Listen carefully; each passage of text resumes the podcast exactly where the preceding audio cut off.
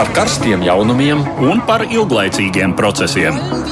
par idejām, par cilvēkiem, par naudu, Un par laiku, par abām mūsu planētas puslodēm. un lietojot abas smadzeņu puslodes. Ēterā raidījums divas puslodes.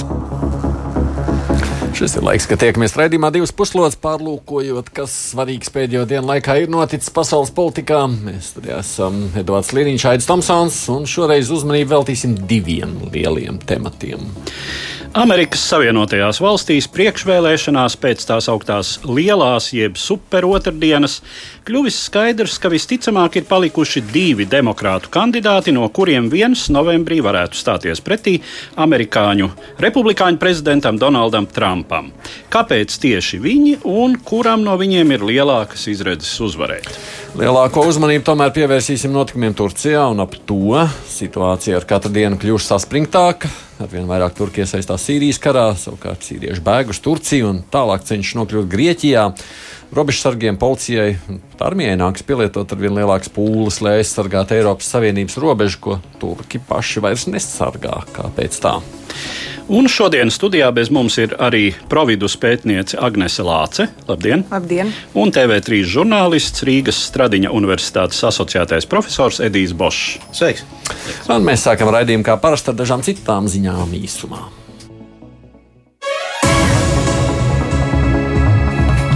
Pasaulē turpina plosīties jaunais koronavīruss, arvien vairāk ietekmējot sabiedrisko dzīvi daudzās valstīs. Eiropā visvairāk to izjūt Itālijā. Trešdien kļuva zināms, ka Itālija slēdz visas mācību iestādes vismaz līdz marta vidum, kas nozīmē, ka bērniem un studentiem sākšās piespiedu brīvdienas. Tikmēr nu, katra valsts izvērtē savas iespējas, kā cīnīties ar jauno slimību. Daudzie cilvēki ažiotāžā ir izpirkuši visas sejas maskas. Vācija un Krievija jau paziņoja, ka aptur eksportu uz citām valstīm, lai medicīniskie aizsargu līdzekļi pietiktu pašiem. Tikmēr Ķīnā, kur vīruss parādījās, situācija pamazām sāk uzlaboties. Saslimušo skaits samazinās un ielās lēnām atgriežas dzīvība. Tiesa, kāda būs vīrusu ietekme uz globālo ekonomiku, tas joprojām ir atklāts jautājums. Kā jau katrā krīzē, vienmēr ir savi zaudētāji un ir arī ieguvēji. Izrēlieši jau trešo reizi šonadēļ devās pie vēlēšanu urnām, lai ievēlētu parlamentu, cerībā, ka beidzot politiķi tad spēs vienoties un izveidot valdību. Taču pēc visu balsu saskaitīšanas kļūst skaidrs, ka arī šīs vēlēšanas visticamāk nekļūs par izēju no politiskā strupceļa. Arī šoreiz nevienam politiskajam blokam nav izdevies iegūt vairākumu. Premjerministra Benjamina Netanjahu labajā partija Likud izcīnījis 36 deputātu mandātus un kopā ar sabiedrotajiem Likud kontrolējis 58 vietas. Bet tas ir par trim vietām mazāk nekā nepieciešams vairākumam. Tikmēr Netanjahu galvenā sānciņš Benīgāns pārstāvētā centriskā partija Zilais un Baltijas ieguvusi 33 mandātus. Arī Netanjahu par spīti apsūdzībām korupcijā ir izdevies savu atbalstu palielināt, bet no to nepietiek, lai atkal kļūtu par valdības vadītāju.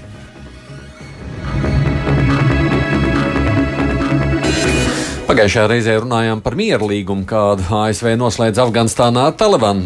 Nav pagājusi pat nedēļa, un ASV spēki Afganistānā jau veikuši pirmo uzlidojumu talibiem. Kā skaidroja amerikāņi, tad uzlidojums dienvidu provincē Hilmendā bijis aizsardzības trieciens, lai izjauktu viņu uzbrukumu. Proti, situācija Afganistānā nav uzlabojusies. Pēdējo dienu laikā pēc Afganistānas valdības aplēsēm talību nemiernieku uzbrukumos nogalināti ir vismaz 20 karavīri un policisti. Jāpiebilst, ka uzbrukumi ir notikuši tikai dažas stundas pēc ASV prezidenta Donalda Trumpa paziņojuma, ka viņam bijusi ļoti laba saruna ar talibu politisko līderi. Savukārt talibu nemiernieki pirmdien paziņoja, ka atsāk operācijas pret Afganistānas drošības spēkiem, izbeidzot daļējo pamieru, kas tika ievērots pirms talibu un ASV vienošanās parakstīšanas. Irānas bagātinātā urāna krājumi ir piecas reizes lielāki nekā noteikts 2015. gada kodola līgumā ar lielvarām. Tā otrdien paziņoja ANO Startautiskā atomenerģijas aģentūra. Kā teikt ziņojumā, tad februāra vidū Irānai bija jau pusotra tonna bagātinātā urāna, un pēc dažu ekspertu domām šāds daudzums ir pietiekams, lai izgatavotu kodolieroci. Tomēr Irānai ir jāspēr vairāk soļu, to starp tālāk bagātināšanu, lai tas tiešām būtu piemērojams militārai izmantošanai. Kodolieročiem vajadzīgs 90% bagātināts urāns. Tomēr Aģentūras eksperti atzīst, ka Irāna nav to bagātinājusi virs 4,5% robežas. 5. janvārī Irāna paziņoja, ka vairs neievēros nekādas ierobežojumus attiecībā uz urāna bagātināšanu, ko nosaka 2015. gada kodola vienošanās, no kuras pirmā izstājās ASV.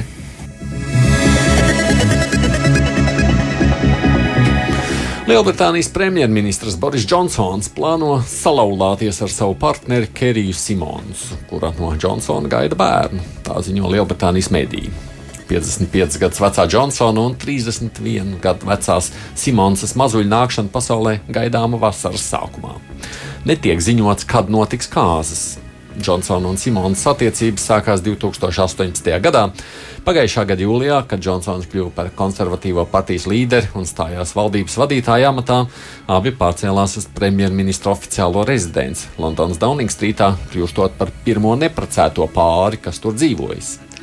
Simonsai šīs būs pirmās laulības un arī pirmais bērns. Savukārt Džonsons divas reizes jau ir bijis precējies, no otrās laulības viņam ir četri bērni, un ir zināms vismaz par vienu ārlaulības bērnu. Bet nu pievēršamies sākumā minētajiem tematiem un vispirms par Turciju un tās īstenoto politiku.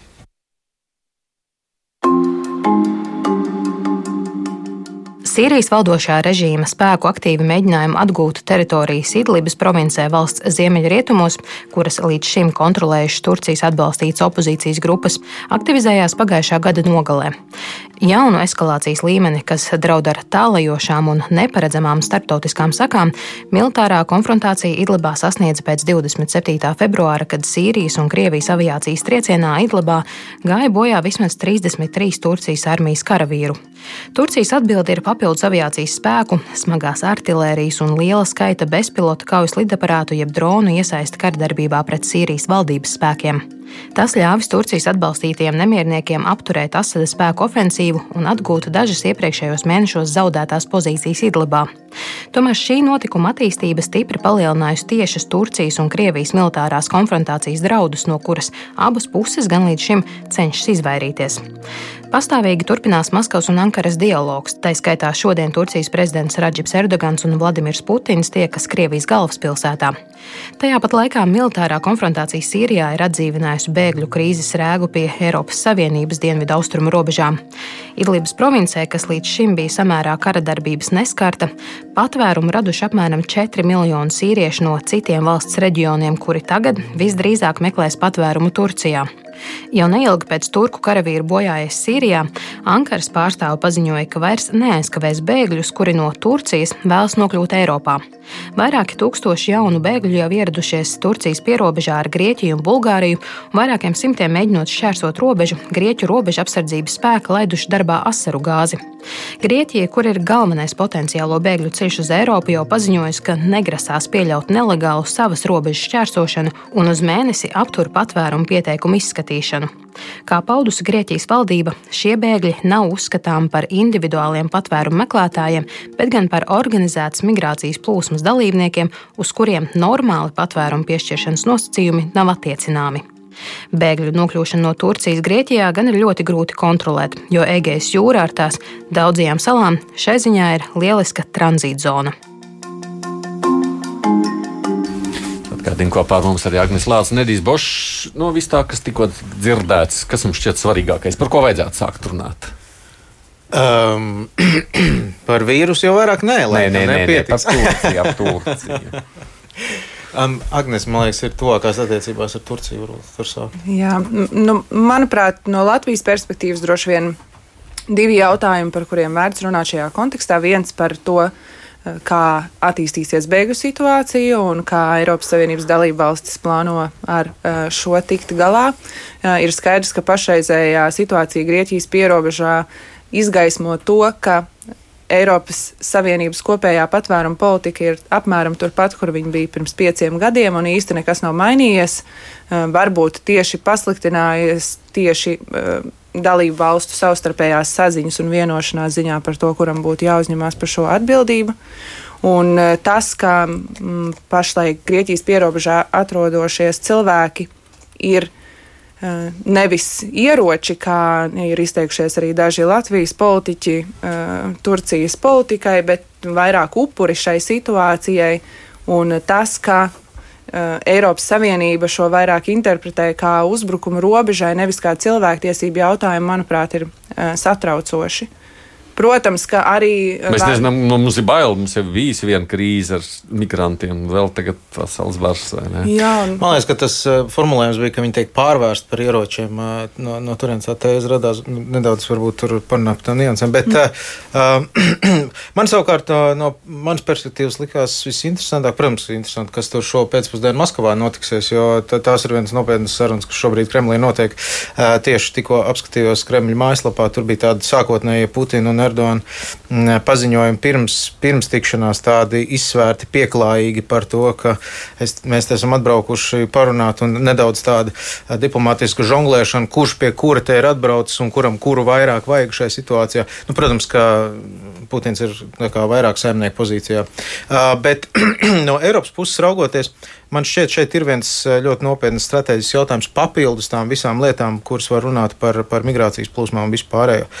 Šī ir viena krīze uh, Eiropas perifērijā. Eiropas tuvumā, kas tiešā veidā ietekmē mūs, absolūti tiešā veidā ietekmē mūs. Un ir jautājums par to, vai mēs vispār kaut ko varam darīt tajā sakarā. Mēs, Eiropa, nu, nu, mēs mazākā mērā, protams, bet, bet uh, Eiropas lielvaras, uh, nezinu, augstais pārstāvs ārlietās, uh, vācieši, francūži un tam līdzīgi. Un tam līdzīgi. Respektīvi, vai mēs te tikai noskatāmies, kas notiek mūsu perifērijā, un vienkārši saņemam to, ko nu katrs mums ir piešķīris tur tajā situācijā, vai nu tur turki ir atvēruši robežas un sūta kaut ko mūsu virzienā, vai, vai Krievi ir izdarījuši kaut ko tādu, amerikāņi vispār kaut kur tālāk stāv šajā visā pasākumā. Restīvi, mēs esam, ja mēs paskatāmies tātad pagājušā gada beigās apstiprinot Eiropas komisiju, Fonderlajens kundze teica, ka šis ir ģeopolitiskās Eiropas laikmets. Eiropa kļūs par tādu spēlētāju, kurš var kaut ko izdarīt attiecībā uz savām interesēm. Nu, tagad mēs varam ap, apmēram redzēt, nu, ir pirmais tāds lielais kazus par to, vai mēs kaut ko spējam. Uh, nu, redzēsim. Uh, protams, ka ir ļoti liels skepsis par to, vai mēs tur kaut ko ļoti spējam. Nu, mēs varam stāvēt pie robežas. Nē, ir virkni lietu, ko var darīt. Un tev tur nav jābūt obligāti ar, ar militāru iesaisti. Ļoti daudz ko var darīt diplomātiski, domājot par, par kaut kādiem trešo pušu mediācijas vai mieru uzturēšanas vai lidojuma aizlieguma zonas. Var kaut ko var izdomāt, ja ir politiskā griba, un, bet, protams, ja ir arī militārs instrumentārijas papildus tam visam. Var darīt ar naudu, protams, kaut ko mēģināt jaunu darījumu noslēgt ar, ar Turkiem attiecībā uz, uz tiem migrantiem. 16. gada līgums jau ir tāds.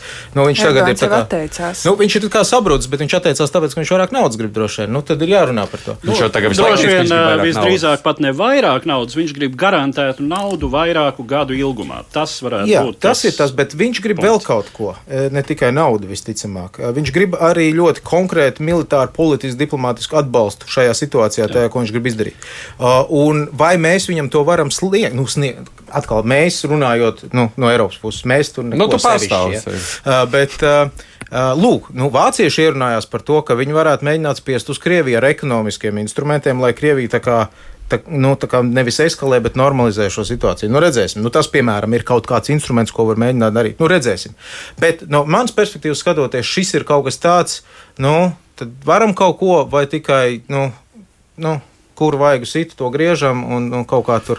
Nē, no acīm redzami, Eiropa nav gatava griezt uh, vaigu sitienam un pat īsti laikam nav gatava šobrīd uh, rīkoties saskaņā ar tiem humānisma standartiem, uh, kuriem tā ir uh, desmitiem gadu deklarējusi savu, savu uzticību, un arī, nu, teiksim, tad, kad bija runa par Eiropas iekšējām līdzīgām migrācijas plūsmām, tad arī atbilstoši rīkojusies. Nu, pirmām kārtām mēs te atceramies vienmēr otrā pasaules kara noslēguma situāciju, kas ļoti tieši, starp citu, attiecās arī uz pāris simtiem tūkstošu mūsu tautiešu.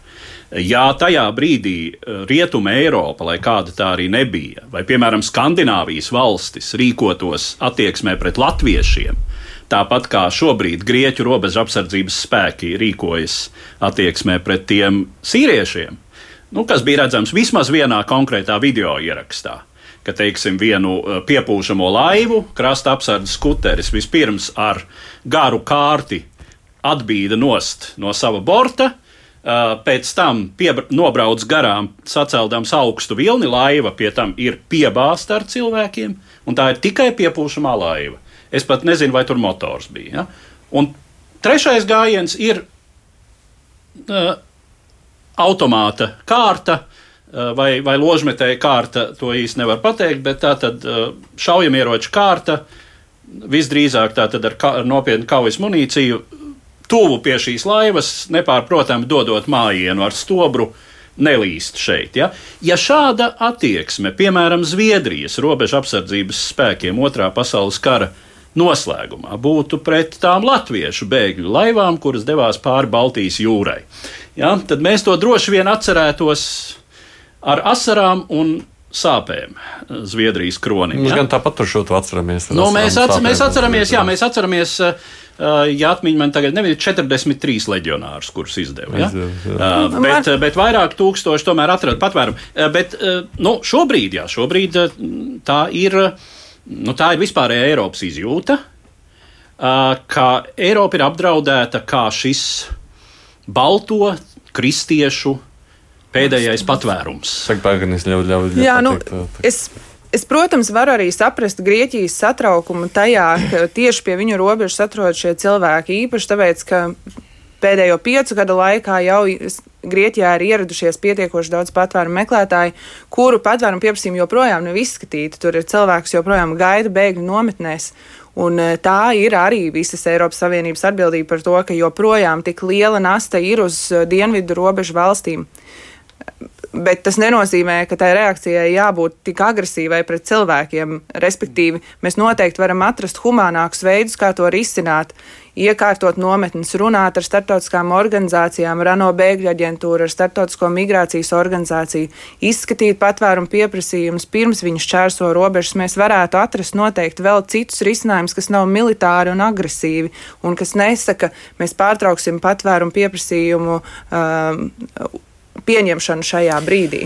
Nu, es te bišķiņu oponēju. Drīkst, tu vairs oponēts nolasīji šī var bija rakstīta. Viņš raksta, Vācijā rādīja dokumentālo filmu par migrantu nelabvēlīgo ietekmu uz tautas un politiķu noskaņojumu. Piemēram, Vācijā valdošās partijas reģionālais politiķis kāda iedzīvotāja sapulcē atļāvās izteikt, ja kādam nepatīk tas, ko politiķi dara, var braukt prom plašajā pasaulē, bet situācija šūpojas vien tālāk. Nu, prot, tā iekšējā situācija Eiropas Savienībā ir uzspiedušas, ar, nu, viņa politiķi vairs nevar nerēķināties.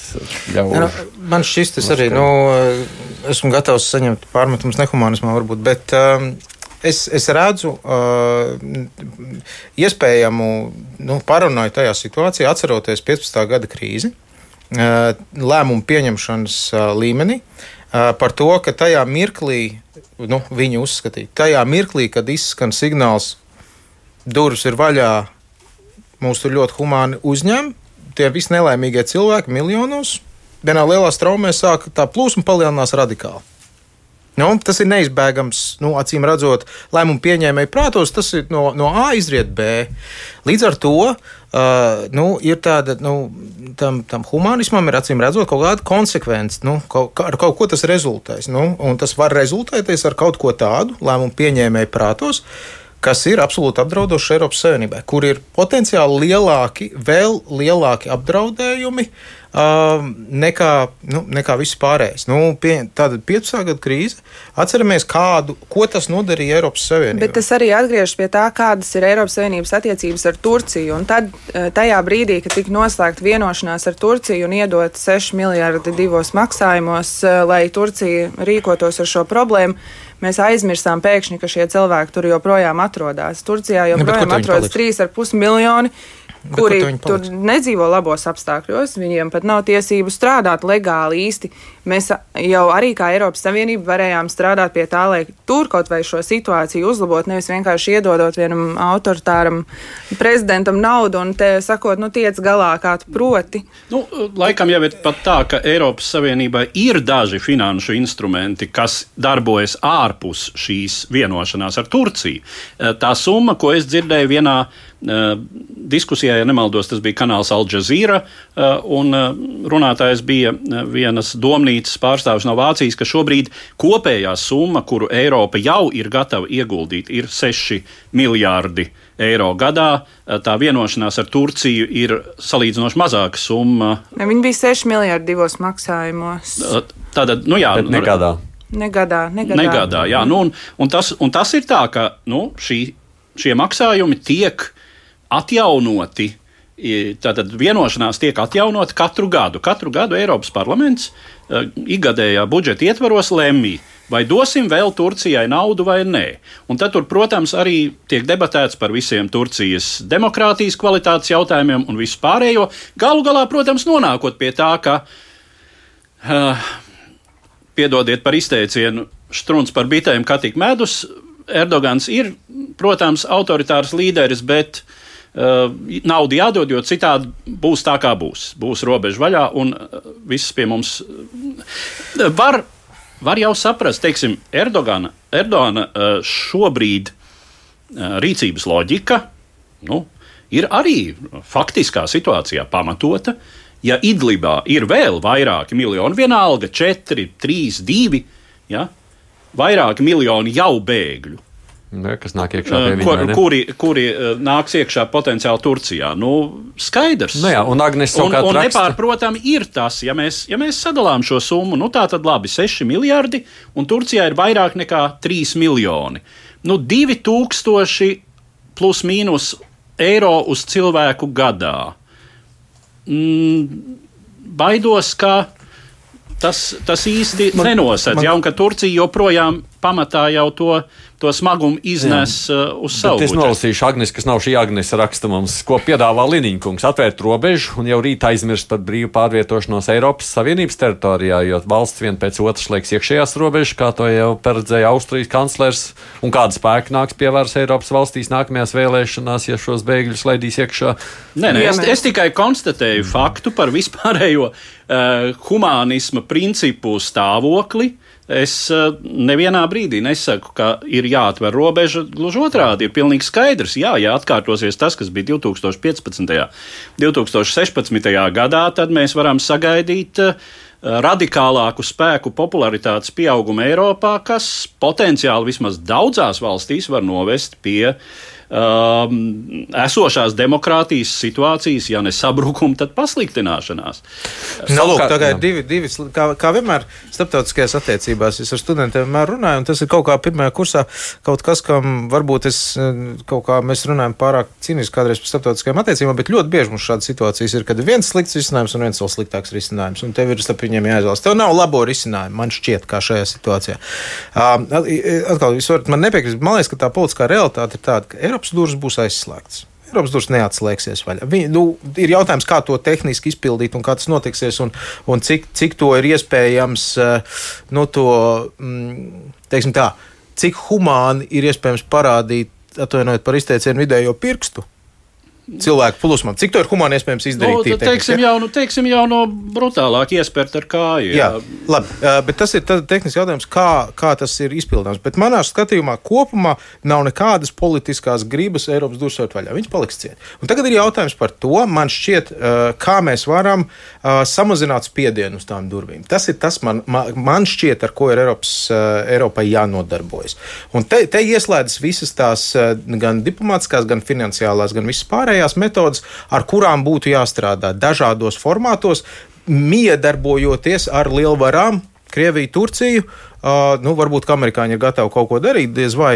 Uh, bet uh, bet ši, šis ir tas mirklis, kad Eiropai ir tā, jāmēģina nospēlēt, lai samazinātu šo spiedienu uz tām durvīm, kuras neatvērsies. Ja politiski nav iespējams tās durvis vērt vaļā, jums jau cik strādā. Par šo mēs turpināsim tikai pabeidzot šo sadaļu. Tas jau, ko Cīvars vairāk kārt uzsver, sakot, bet tā problēma ir tāda, ka šobrīd pie tās robežas nav tīrieši. Tur ir pietiekoši daudz Afganistānu, Pakistānu, Bangladešu. Nu, tiešām sīrieši ir pamatmasa. Arī. Nu, nu, ir daži simti, vērojot BBC CNN, simti ka viņi kāda starpība? Viņiem met jā. virsū asaru gāzi, un jā. tā kā, kāda starpība, kāda ir viņu tautība. Mēs neuzzināsim, vai viņiem pienāks patvērums vai nē, ja mēs tiešām neapskatīsimies katru to lietu. Šis nevarētu, tā kā mēs paskatāmies uz cilvēkiem, sakam, šie neizskatās pēc sīriešiem, nu tad tā kā močījam Mm. virsū, tā kā mēs darām līdz šim.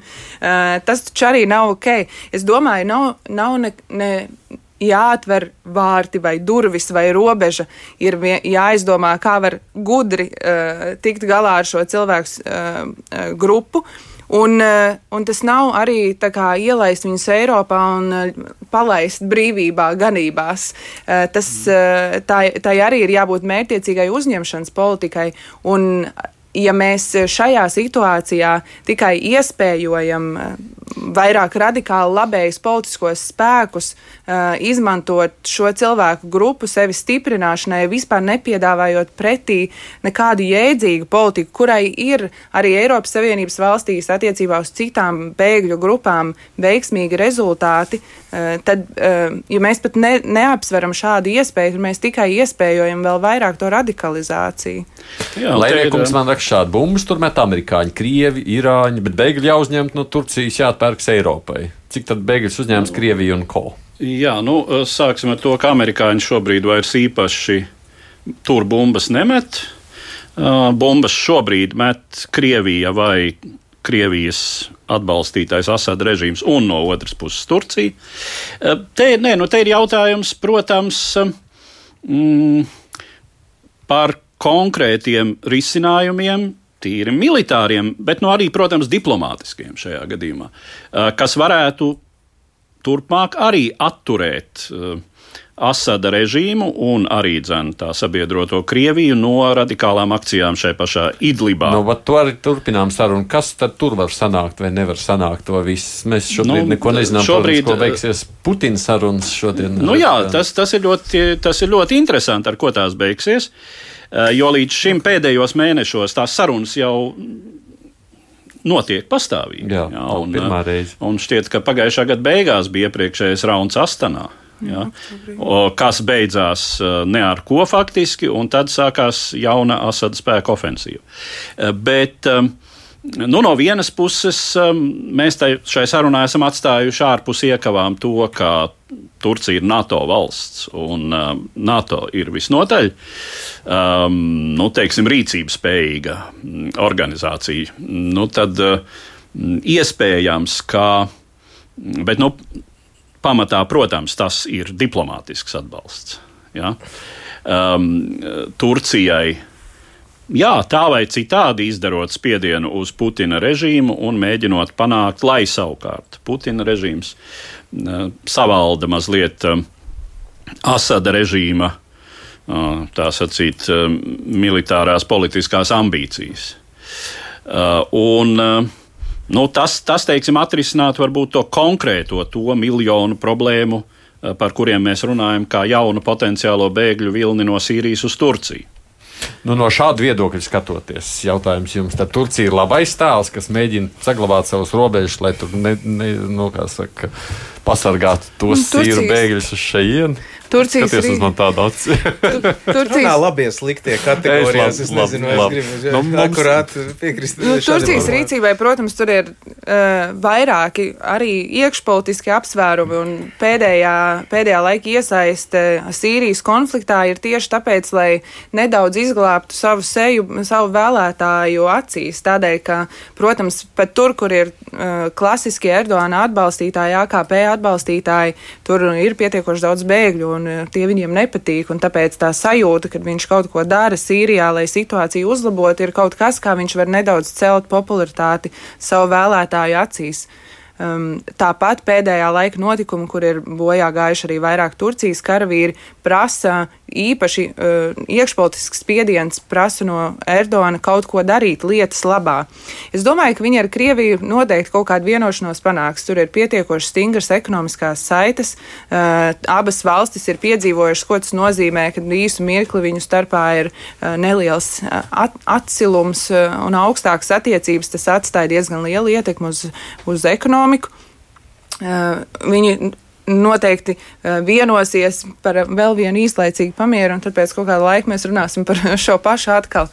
Mm, vai NATO iesaistīsies?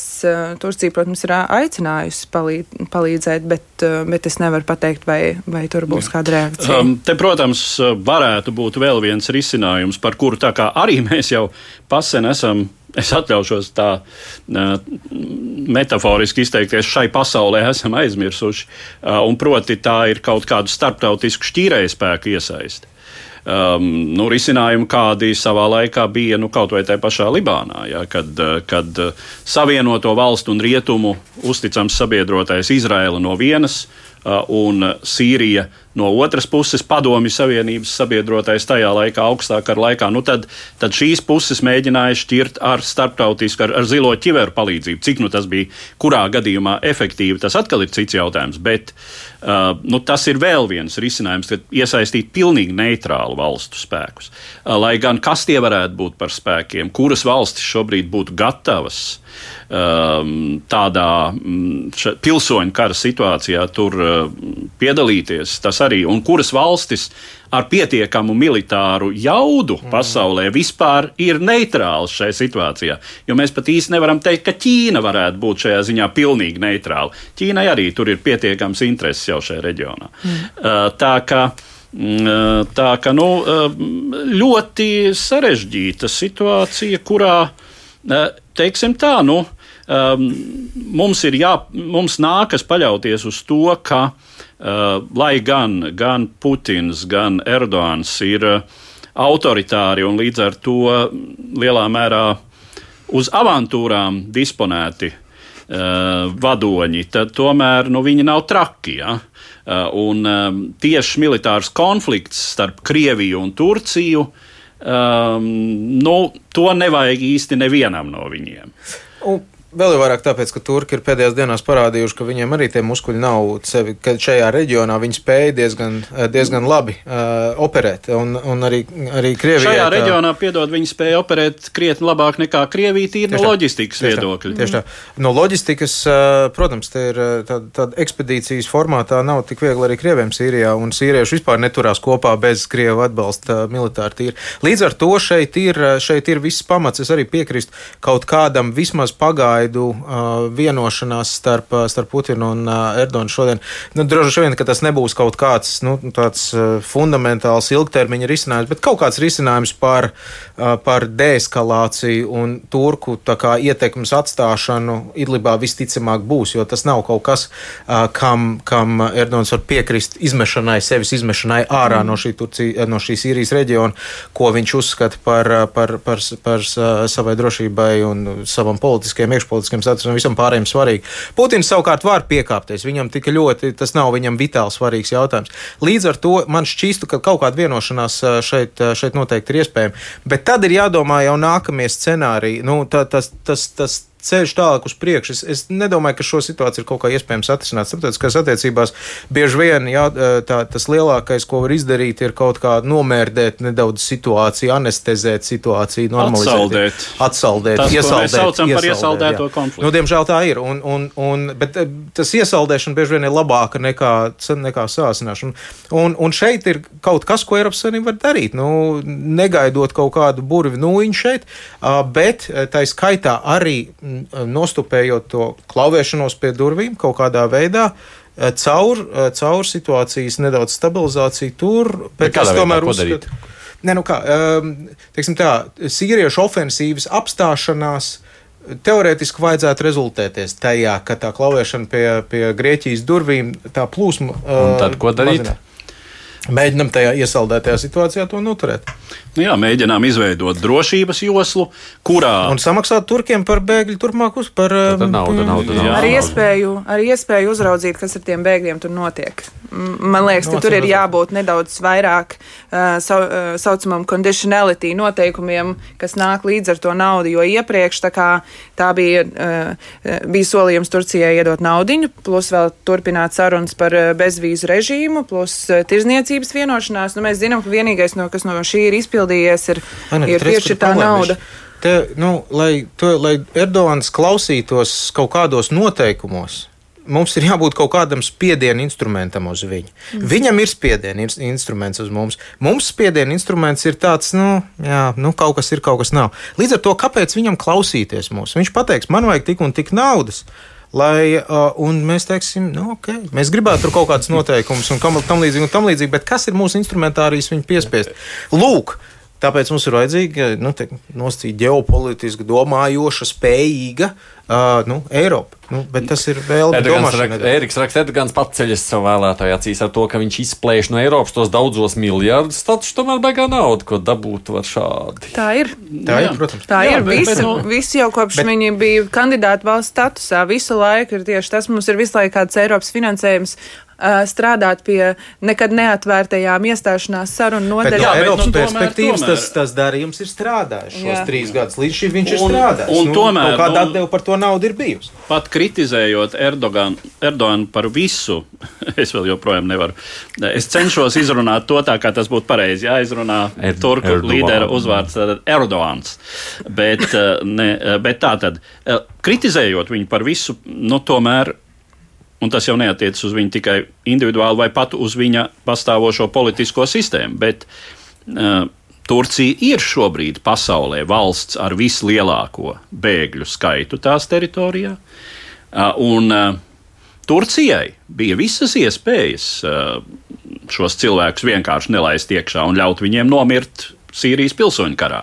Turcija tomēr tajā brīdī savu robežu atvēra, kā to prasa starptautiskās tiesību normas, starp citu, ja ne jau tikai Eiropas Savienības uh, uh, standarti, bet nu, pastāv starptautiskā apvienoto nāciju bēgļu konvencija. Jā, bet viņiem nepiešķir bēgļu status Turcijā. Viņiem ir pagaidu aizsardzība. Jā, jā, šis bet, status bet, ir ir galvā, bet, jā, bet jāsaka, tā tiešām ir. Un jau turklāt no 2011. gada, kad mēs vispār vēl Eiropā nedomājām par to, ka Sīrijas konflikts kaut kādā veidā varēs ietekmēt uh, politiku šeit.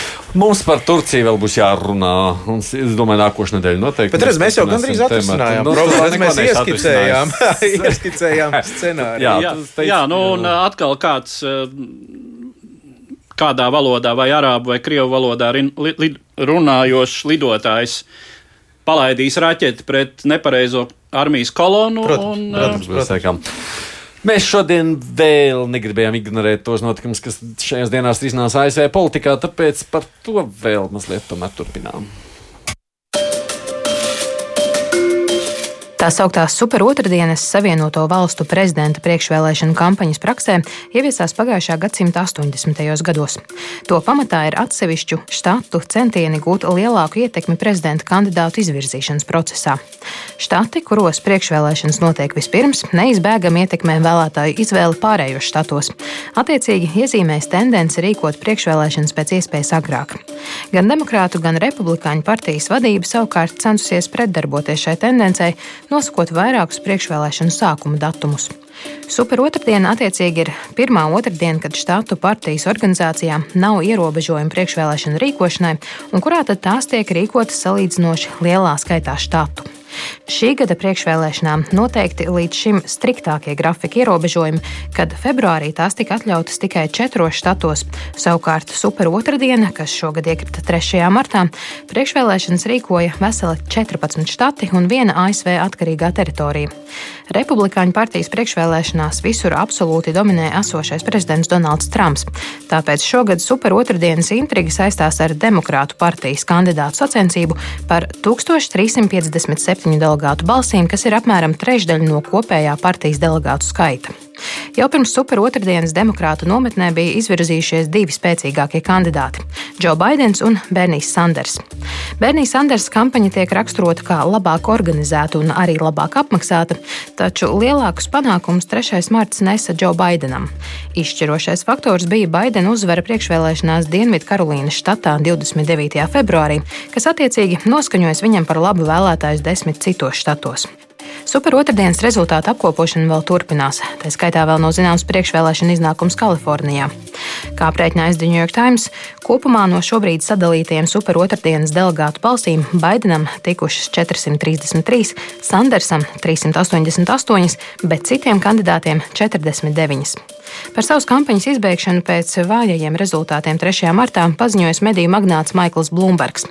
Tādējādi arī pēc super otrdienas turpināsies divu nozīmīgāko demokrātu partijas kandidātu, Džo Baidenu un Berniju Sandersa, sacīkstas par iespēju 3. novembrī mēroties spēkiem ar Donaldu Trumpu. Divas puslodes! Atgādījums šeit studijā Providus pētniece Agnēs Lācis un Rīgas Traģiņu universitātes asociētais profesors Edijs Bošs un arī mēs ar Eduardu Liniņu. Nu, Atkal vispārīgs jautājums, kas jums šķiet tas interesantākais šajos nu, vēlēšanu rezultātos? Atkal par vīrusu? Par otru dienas. Runā tagad par tēmu, lūdzu. Um, jā, ļoti interesanti. Super otrdiena. Um, es nevaru beigt uh, priecāties par to, cik uh, neparedzams ir. Uh, demokrātiskās valstīs vēlēšanu process. Pirms, eh, pirms vēl divām nedēļām mums šķita, ka Joe Bidenis ir, eh, Beidzis no, savu. jā, ir, ir uz kaut kāda komas stāvoklī, tā viņa politiskā kampaņa un viss pārējais, bet rekur eh, daži pavērsieni, daži pre, precīzā mirklī dabūti politiskas kombinācijas, no atbalsta no citiem, citiem spēlētājiem, un bum! Un, un ir izskatās, ka Nu, tāda mums ir palikuši jautājums par divi vēl, vēl, vēl vienu. Nē, nu, tur ir vēl četri mājas kandidāti palikuši Jā, bet kopumā, reāli. bet, bet reāli ir divi tādi palikuši uh, Sanders un Baidens. Uh, Uh, tu, bet es gan gribētu teikt, atkal, ka mm, es, es palikšu pie domas, ka mēs nezinām, kas notiks. Es nezinu.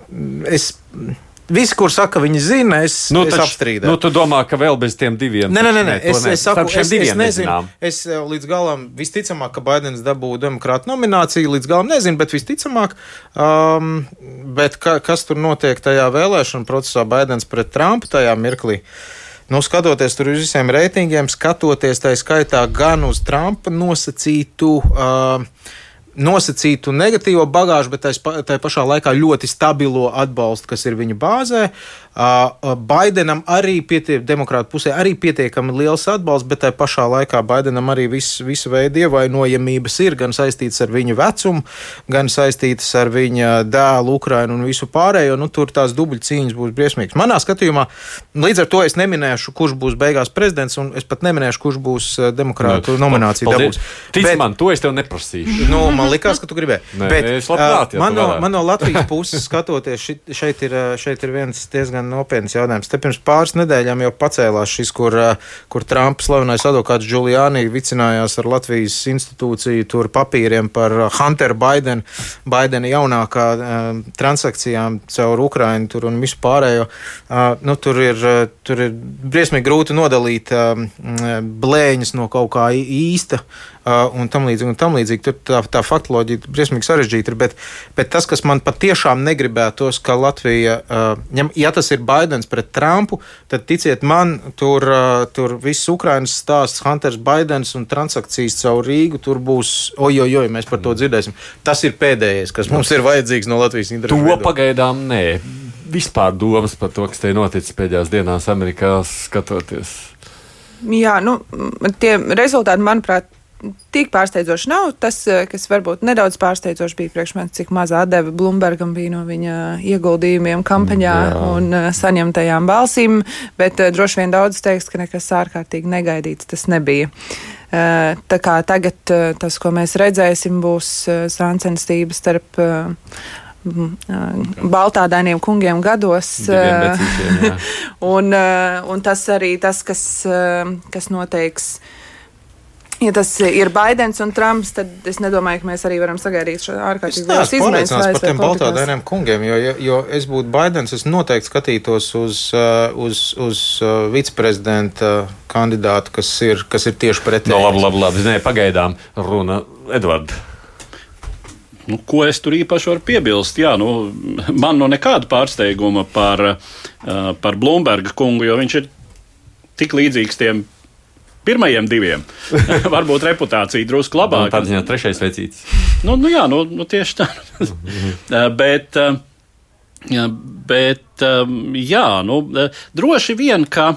Ja mēs noliekam malā taktiskus gājienus, kas Baidenam ir bijuši uh, sekmīgāki, um, tad uh, vai nu tādā ziņā, ka vai gluži otrādi, ne jāsaka, droši vien strateģiski gājieni, jo teiksim, tādu kampaņas taktika tiek atzīts, ka Sandersam ir pamatīgāk, izstrādātāk, daudz vairāk atbalstītāji iesaistīti un tā tālāk, un tā tālāk, un, protams, attiecīgi vairāk naudas. Bet droši vien, ka tomēr Baidens, un te varbūt ir arī zināms Trumpa nopelns tiek uzlūkots kā tas vīrs, kurš varētu ar Trumpu drīzāk cīkstēties. Eh, un eh, atkal nav runa gluži par personiskām kvalitātēm, bet drīzāk par politisko pozīciju arī līdz šim jo tomēr Sanders ir salīdzinoši radikāls. Nu, mēs paši mm. šai pārraidē nevelti ne Sanders pirms kāda laika salīdzinājām ar britu leiboristu līderi, kurš mm. ir radikāli kreis. Nu, Sanders nav tik radikāli kreis, bet tomēr Amerikas spektram, nu, pārāk pa kreisi, lai arī tāds vidējais demokrātu nu, vēlētājs. Vēl jau vairāk, nu, nu, protams, viņš nav komunists. Ja? Bet vismaz ne bezmaksas medicīna. Vismaz ne mūsu izpratnē. Uh, no Obama kiera arī nav gluži tas pats, kas. Uh, Sociāli, padomju sociālismu stila bezmaksas medicīna. Bet, uh, jā, katrā ziņā, teiksim, potenciāls pārvilkt kādus svārstīgos vēlētājus, kas ir iepriekšējo reizi uh, Um, Nu, kā mēs to ļoti labi zinām, šis svārstīgais elektorāts, um, emociju un izjūtu elektorāts, kas ir nobalsojis par Trumpu, um, teiksim, pārvilkt viņus šoreiz demokrātu pusē, tāds potenciāls, protams, vairāk ir Joe Bidenam nekā Bernijam Sandersam. Tas, kas savukārt tiek izteikts, ka nu, tas, ko Sanders var, viņš spējas uzliek uzzināt tādu jaunāku autoriju, kur līdz šim vispār tā kā par politiku daudz neinteresējas. Kur neatnāca uz priekšvēlēšanām beigās.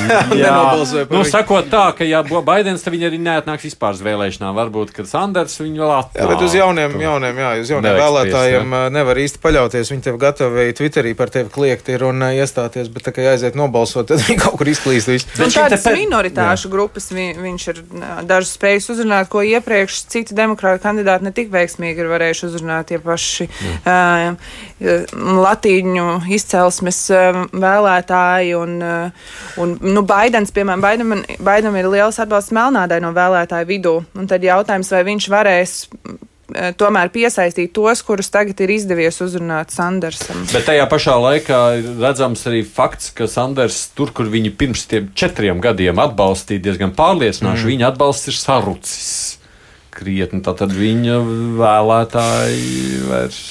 Nu, es, es piekrītu šeit Edvardam par to, ka, protams, ka centriskam kandidātam ir lielāka. Nu, loģika teiktu, ka viņam ir lielāka iespēja pret uh, Trumpu rudenī. No otras puses, Atcerēsimies, tomēr 16. gada vēlēšanas. Nu, Hillary Clintona ir izteikti centrisks kandidāts.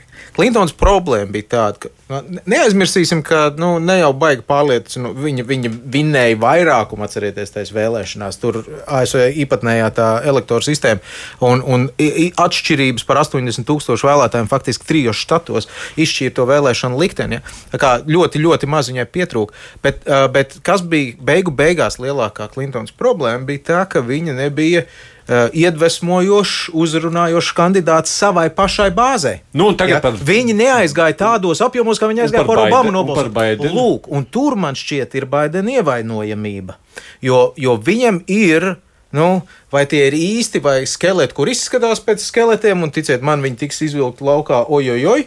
Uh, un, un, eh, Bet, nu, nu, labāk nekā jāsaka, nav. no otras puses, no otras puses nu, vai gan mazāk skeletu skapīšos ir esošajam prezidentam Trumpam. Nu, Viņa bāzē tas neuztrauc. Uh, bet jā, bet uh, es domāju, ka arī, arī Biden, jā, arī jā, tiem, kuri grib nobalsot par demokrātu partiju un tās politisko platformu.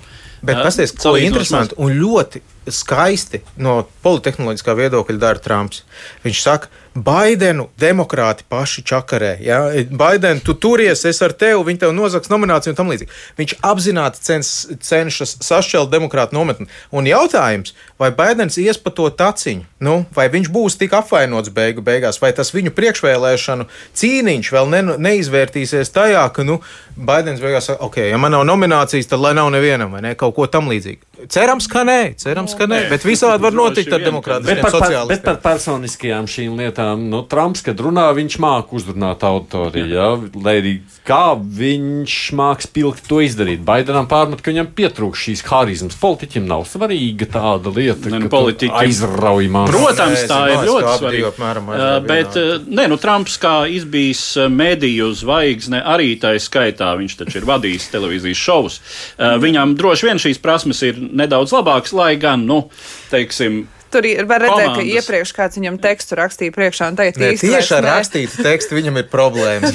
Nedodiet viņam rakstītu tekstu. Viņš pats to ļoti Bet, labi zina. eh, Tāpēc viņš Baidenam arī ir tāds, tā kā viņam ir sava veida šarms, es Ir domāju, jā. un, Ir un šarms un Sanders harizma. ir, uh, Sanders ir savukārt ļoti kaislīgs par visām savām idejām, uh, un ar putām uz, uz lūpām ir gatavs runāt par visām politikām, ko viņš ievie, ieviesīs. Tā kā es domāju, ka tur ir katram no viņiem ir savs tas šarms, tur nav. Jā. Bet nu, tas arī, ko rāda priekšvēlēšana process, ka nu, Donaldam Trumpam nepārprotami ir izdevies savu elektorātu, mm. republikāņu elektorātu, cementēt kā reti kuram. Mm. Jo nu, tur, paskatoties uz tiem priekšvēlēšanu rezultātiem, mana asociācija Tautas saimnes vēlēšanas 1940. gadā Absolūti. 93, 95 un tā tālāk. Ja? Ne, nu, viņa cipari, tā saucamos neatkarīgo, nu, independents, neatkarīgo vēlētāju, svārstīgo vēlētāju grupā ir sliktāki nekā demokrātiem. Nu, līdz ar to demokrātiem bija nepieciešams kandidāts, kurš neaizbaida svārstīgos. Ja tur tos 10%, kas svārstās, būtu varētu svarīgi. aizbaidīt. Sanders varētu aizbaidīt. Jā. Uh, bet neaizmirsīsim par Latvijas stāstu. Tev ir vēl 30 sekundes. Nu, man, man, man godīgi stāstu. sakot, uh, super otrdiena uh, šķita pozitīva. Nevis tāpēc, ka es baigi gribētu pozicionēties tur par Trumps vai pret Trumps, bet, bet sacīkste Sanders pret Trumps no, no mūsu perspektīvas, no pārējās pasaules perspektīvas, tomēr uh, nu, tā, vi, viņiem abiem diviem tas man šķistu tomēr ārpolitiskais skats, strateģiskais skats pret pasauli ir diezgan līdzīgs, uh, kurš ir tāds s- ļoti skeptisks pret līdzšinējo amerikāņu iesaisti pret ie, globālo lomu, un tā skaitā, no kuras mēs arī esam atkarīgi. Mums ir divi kandidāti, kur ir ļoti skeptiski attiecībā pret šāda veida turpinātību ārpolitikā. Baidens tomēr iezīmē turpinātību pie tās Amerikas, pie kuras mēs esam pieraduši, kur, kur protams, ir mainījusies. Arī Obamas administrācija jau gāja tomēr uz tādu atturīgāku iesaisti pret visu. Līdz ar to mums ir darīšana, protams, ar plašākām tendencēm. Bet nu, Baidena nu, teiksim, pot, nu, būšana, esu, esamība kampaņā un varbūt prezidentūra tomēr viņš atkal aizvedīs to. Nu, Pie mums pazīstamākas Amerikas, teiksim tā, starptautiskajā nozīmē. Lai gan, ja es prasītu mūsu klausītājiem, tagad, ko viņi par visu šo domā, es pieļauju, ka mēs saņemtu ļoti pretrunīgu reakciju. Sakot, nu, lūk, lūk, lūk a, kā tad ar sankcijām, piemēram, Lembergam vispār, jo nekad Obamas laikā droši vien neizdotos dabūt. Nu, Kas to zina, kas to priekš- zina? Jebkurā gadījumā šī lieta, par ko arī mēs vēl runāsim pietiekoši gaidot vēlēšanas šajā gadā. tā kā Amerikas Savienoto Valstu prezidenta izraudzīšana. Nu, un tad tagad par to vīrusu, jā, Par vīrusu tu varēsi runāt, tad, kad es izslēgšu mikrofonu. To es saku Edijam Bošam, kurš ir Rīgas Traģiņu universitātes astātais profesors un TV3 žurnālists, providus pētnieks Agnes Lācis. Paldies jums, Paldies. ka atnācāt. Nu, Protams, mans kolēģis Edvards Līnīšs arī šeit Paldies. studijā. Producē, kā parasti mums ievzējas, studijā bija Aidis Tomsons uz sadzirdēšanos atkal nākamajā nedēļā. Divas puslodes!